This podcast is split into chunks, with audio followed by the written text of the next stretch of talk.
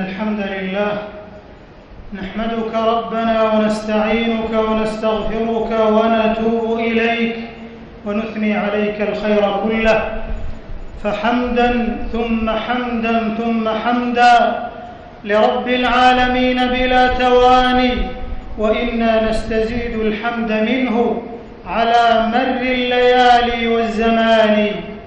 وأشهد أن لا إله إلا الله وحده لا شريك له خصنا بشريعة بل جاء كالشمس في ضحاها أفعمت العالمين بسموها وسناها وأشهد أن نبينا وسيدنا محمدا عبد الله ورسوله أنقذ الله به البرية وقد غرقت في أساها وجل معالم رقي الحضارة وأقام صواها. اللهم فيا رب صل وبارك عليه وعلى آله صفوة الخليقة سيرة وأزكاها وصحبه الكرام البررة البالغين من ذرى الأمجاد علاها والتابعين ومن تبعهم بإحسان وسلم تسليما طيبا مباركا لا يتناهى. أما بعد فيا عباد الله خير ما يوصى به بكرا وآصالا خضوعا وامتثالا تقوى الله تبارك وتعالى. فمن تمسك بالتقوى أفلح ونجا وجزاه الباري ما أمل ورجا. وتزودوا فإن خير الزاد التقوى. واتقون يا أولي الألباب. وخير الزاد تقوى الله فاعلم. وشم الوعد عن قال وقيل فتقواه غنى الدارين فالزم فذاك العز للعبد الذليل. أيها المسلمون حينما نستروح شوامخ شريعتنا الإسلامية وقيمنا الإنسانية ومضامينها الحضارية وجوانبها السنية تبرز قضية عالمية عريقة تأريخية سبقت إليها شريعتنا الغراء الأمم السوالف والمجتمعات الخوالف ودعت إلى الاهتمام بها وترجيحها وتقديمها على ما سواها وترشيحها لما بان من جليل آثارها ومحض روائعها وصريحها. تلكم يا رعاكم الله هي قضية الحفاظ على البيئة ورعايتها. وصون مكونات الحياة ومسخرات الكون وحمايتها فكم نقعت غليلا وأفادت عليلا وشرحت صدورا وبعثت حبورا. معاشر المسلمين إن الحفاظ على البيئة أحد شعب الإيمان ودلائل البر والإحسان بل هو أمر الملك الديان وحسبنا ما تحفل به شريعتنا من حجة وبرهان. ولا تعثوا في الأرض مفسدين. ولا تفسدوا في الأرض بعد إصلاحها. يقول الإمام القرطبي رحمه الله نهى عن كل فساد قل أو كثر بعد صلاح قل أو كثر. وصح عن سيد ولد عدنان عليه الصلاة والسلام قوله الإيمان بضع وسبعون شعبة. فأفضلها قول لا إله إلا الله وأدناها إماطة الأذى عن الطريق. أخرجه مسلم في صحيحه. والأذى يشمل الحسي والمعنوي. الله أكبر. فكيف بدرء الأذى عن مناحي الحياة كلها؟ لتسلم جميلة بهية نقية صحية. لا غرو أن الأمر أعظم وأجل لمن دان وامتثل. إخوة الإيمان وكيف لا نستبق حماية البيئة؟ وقد أفاء الله على عباده بآلاء الطبيعة الخلابة والبيئة الجذابة. يقول سبحانه والأرض مددناها وألقينا فيها رواسي وأنبتنا فيها من كل زوج بهيج تبصرة وذكرى لكل عبد منيب. ففي هذه الآية الكريمة ونحوها كثير الدعوة المؤكدة لحماية البيئة إنسانا وحيوانا وطيرا وبناء برا وبحرا وجوا فضاء وسماء شجرا ونباتا وزرعا وماء. حفظا لجمالها ونظافتها وقوتها ونضارتها وسلامتها ونقاوتها. إن لله في الخلائق سرا. من سنا برقه تحار العقول. لا ترى ذرة من الكون إلا ولها في الكون شرح يطول. تلك يا أخي حكمة من حكيم لبهاء الحياة أصل أصيل. أيها المؤمنون البيئة التي طرزت ببدائع الموجودات وأحاسن المخلوقات لهي من نعم البار الهامرة ومننه علينا الغامرة. فمنها تجنى المنافع الكثيرة والارتفاقات الكبيرة كالتفكه من البيئة بثمارها وابتهاج النفوس بأزهارها وتمتع الأبصار باخضرارها والاستظلال بوارث ظلالها والارتفاق بخشبها واستنشاق الهواء النقي بسببها وتثير الأشواق والإعجاب وتزيح الونى والأوصاب وتخلع على النفوس رونق البهاء وعلى القيم الأثيلة روعة الطهر والسناء بل تبعث على تمجيد الخالق الوهاب.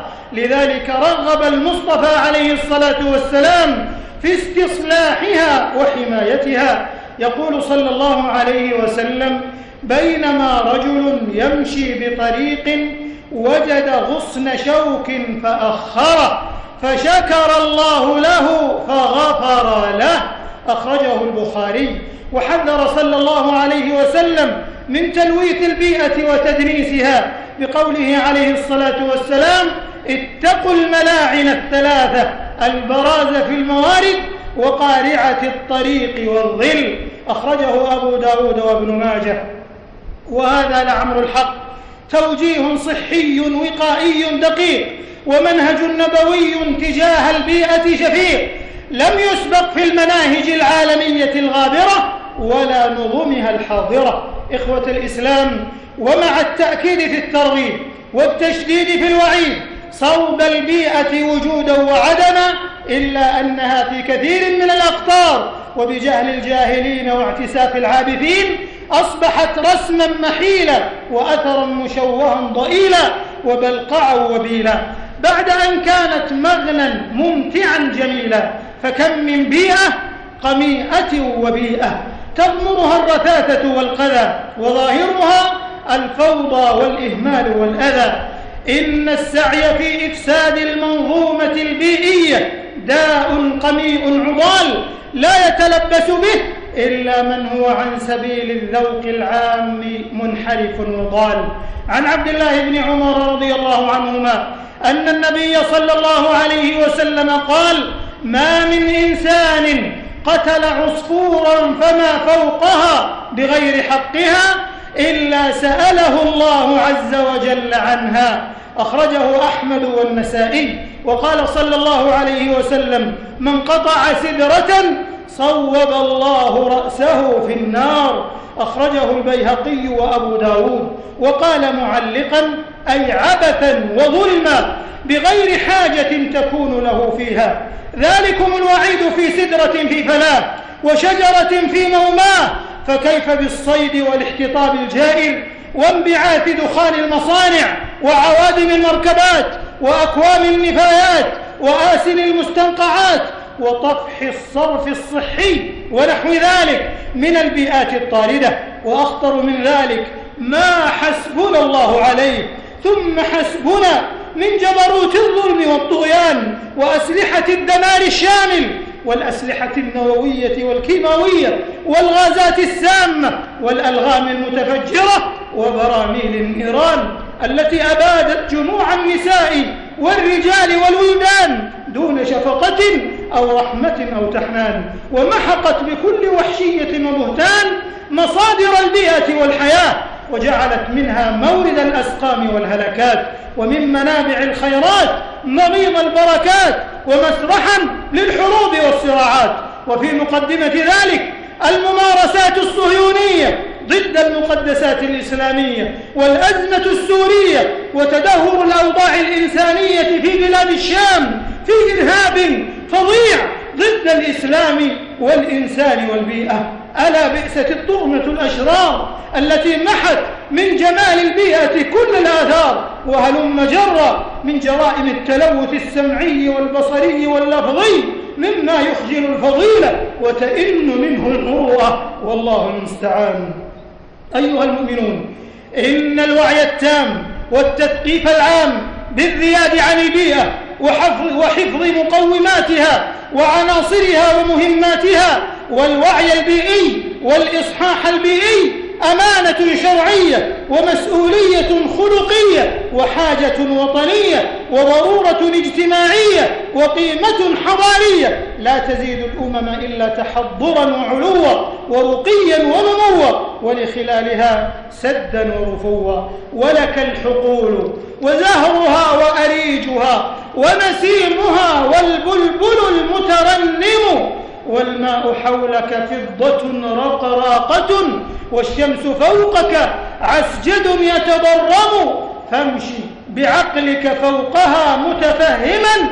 إن الملاحة ملك من يتفهم. إخوة الإسلام وعندما ترتقي فهوم الأمم إلى مدارات الإسلام وتشريعاته الحكمية وأسراره الحكمية وإشراقاته الإنسانية والبيئية وإجراءاته الطبية والوقائية تتسنم قمة السؤدد والتغيير الموجز في قول العزيز القدير فمن يعمل مثقال ذرة خيرا يره ومن يعمل مثقال ذرة شرا يره. وسيكون الفوز بإذن الله حليفها والخير أليفها والخير أليفها والنصر ديدنها وهجيراها. وتفترع معاقد الأمجاد وذراها. أمة الإسلام ويمتد الحفاظ على البيئة العامة إلى البيئة الاجتماعية والوطنية والأسرية والسياسية والمجتمعية والاقتصادية وحماية الحياة الفطرية والبيئة التعبدية والعملية الجاذبة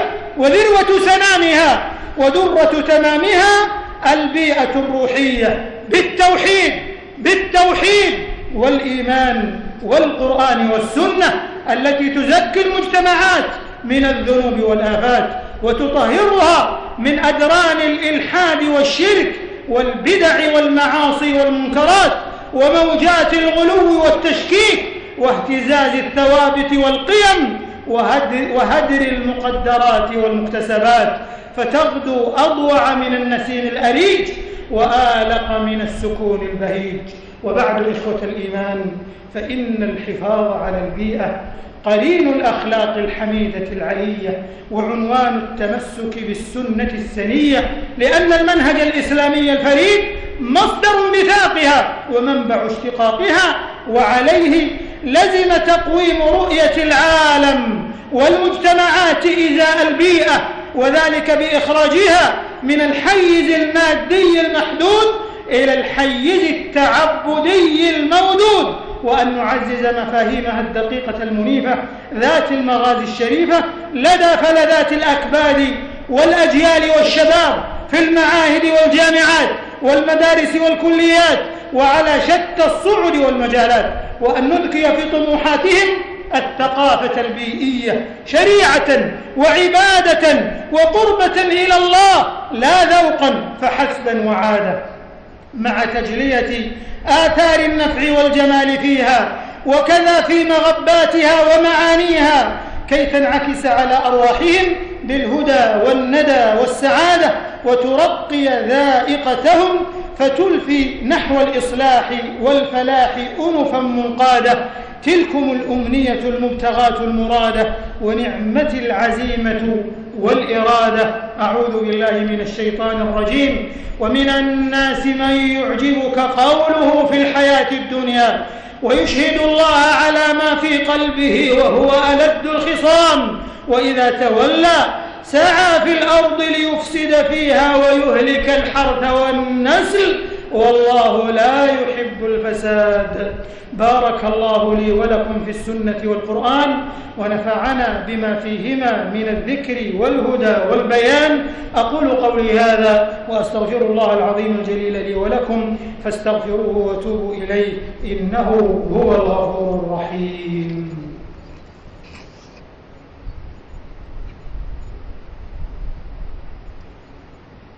الحمد لله على ما أولى من الآلاء والنعم وخصنا بأسمى الأحكام والقيم وأشهد أن لا إله إلا الله وحده لا شريك له وأشهد أن نبينا وسيدنا محمدا عبد الله ورسوله صلى الله وسلم وبارك عليه وعلى آله ذوي الفضل والشمم وصحبه أولي النجابة والشيم والتابعين ومن تبعهم بإحسان ما نسخ الضياء الظلم. أما بعد فاتقوا الله عباد الله واسعوا في استصلاح بيئاتكم وكفايتها ودرء الأوضار والملوثات عنها ورعايتها. معاشر الأحبة الأكارم وثمة ملمح يحسن التنبيه إليه. ألا وهو ما يشوب البيئة أحيانا من بعض الأوبئة العارضة والأمراض الحارضة فعلاجها باتباع سنة الحبيب المصطفى صلى الله عليه وسلم فهي النور الذي به يقتدى فيهتدى وذلك باتخاذ الأسباب الشرعية والطبية الإجرائية منها والوقائية بل بالتوكل أولا على الله سبحانه ودعائه وطلبه ورجائه فالذي قدر الداء قدر الدواء والشفاء لا بالجزع والهلع والانسياق خلف الشائعات ونشر الأضاليل والمرجفات فذاك من أخطر الموبقات. والأمر بحمد الله هين يسير كشروى نقير خصوصا مع الإجراءات الوقائية والكفاءات الطبية وقبل ذلك وبعده وقبل ذلك وبعده العناية الربانية ومن يتوكل على الله فهو حسبه. إن الله بالغ أمره قد جعل الله لكل شيء قدرا. ألا وصلوا وسلموا رحمكم الله على النبي المصطفى والحبيب المجتبى والرسول المرتضى كما أمركم بذلك المولى جل وعلا. فقال تعالى قولا كريما عظيما حكيما إن الله وملائكته يصلون على النبي. يا أيها الذين آمنوا صلوا عليه وسلموا تسليما. وقال صلى الله عليه وسلم من صلى علي صلاة صلى الله عليه بها عشرا منا الصلاة على النبي وآله والصحب من كانوا المصابيح الغرر. صلوا عليه فمن يصلي مرة يلقى بها عشرا كما صح الخبر. اللهم صل وسلم وبارك على سيد الأولين والآخرين. ورحمة الله للعالمين. نبينا وحبيبنا وقدوتنا وشفيعنا محمد بن عبد الله. وارض اللهم عن آله الطيبين الطاهرين. وأزواجه الطاهرات أمهات المؤمنين. وعن الصحابة أجمعين.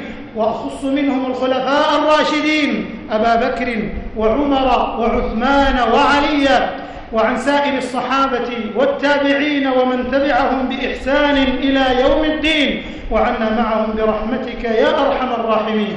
اللهم أعز الإسلام والمسلمين. اللهم أعز الإسلام والمسلمين.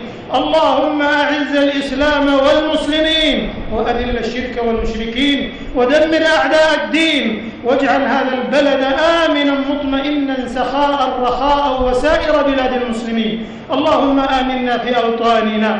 اللهم آمنا في أوطاننا. اللهم آمنا في أوطاننا. وأصلح أئمتنا وولاة أمورنا. وأيد بالحق إمامنا وولي أمرنا. اللهم وفقه لما تحب وترضى وخذ بناصيته للبر والتقوى وهيئ له البطانة الصالحة التي تدله على الخير وتعينه عليه. اللهم وفقه ونائبيه وإخوانه وأعوانه إلى ما فيه عز الإسلام وصلاح المسلمين. اللهم إنا نسألك الهدى والتقى والعفاف والغنى يا ذا الجلال والإكرام. اللهم فرج هم المهمومين من المسلمين ونفس كرب المكروبين واقض الدين عن المدينين واشف مرضانا ومرضى المسلمين برحمتك يا أرحم الراحمين. اللهم آت نفوسنا تقواها زكها أنت خير من زكاها أنت وليها ومولاها. اللهم انصر إخواننا المجاهدين في سبيلك في دين والمستضعفين في دينهم في كل مكان. اللهم انصرهم في فلسطين. اللهم أنقذ المسجد الأقصى من براثن المعتدين المحتلين. اللهم اجعله شامخا عزيزا إلى يوم الدين. اللهم كن لاخواننا في سوريا وفي بلاد الشام. اللهم ارحم ضعفهم واجبر كسرهم. اللهم احقن دماءهم اللهم احقن دماءهم واحفظ أعراضهم وأموالهم وديارهم. يا رب العالمين اللهم اشف مرضاهم وارحم موتاهم. وتول أمرهم يا حي يا قيوم يا ذا الجلال والإكرام. اللهم إنهم ضعفاء فقوهم. اللهم إنهم أذلة فأعزهم. اللهم إنهم مظلومون فانصرهم. اللهم إنهم مظلومون فانصرهم. يا ناصر المستضعفين ولا ويا ولي المؤمنين. اللهم كل إخواننا في بورما وميانمار وفي أفريقيا الوسطى وفي كل مكان يا رب العالمين. اللهم أصلح أحوال أمة محمد صلى الله عليه وسلم. اللهم اجمع قلوبهم على الكتاب والسنة. اللهم اجمع قلوبهم على الكتاب والسنة. يا ذا العطاء والفضل والمنة. ربنا آتنا في الدنيا حسنة وفي الآخرة حسنة وقنا عذاب النار. ربنا ظلمنا أنفسنا وإن لم تغفر لنا وترحمنا لنكونن من الخاسرين. سبحان ربك رب العزة عما يصفون وسلام على المرسلين والحمد لله رب العالمين.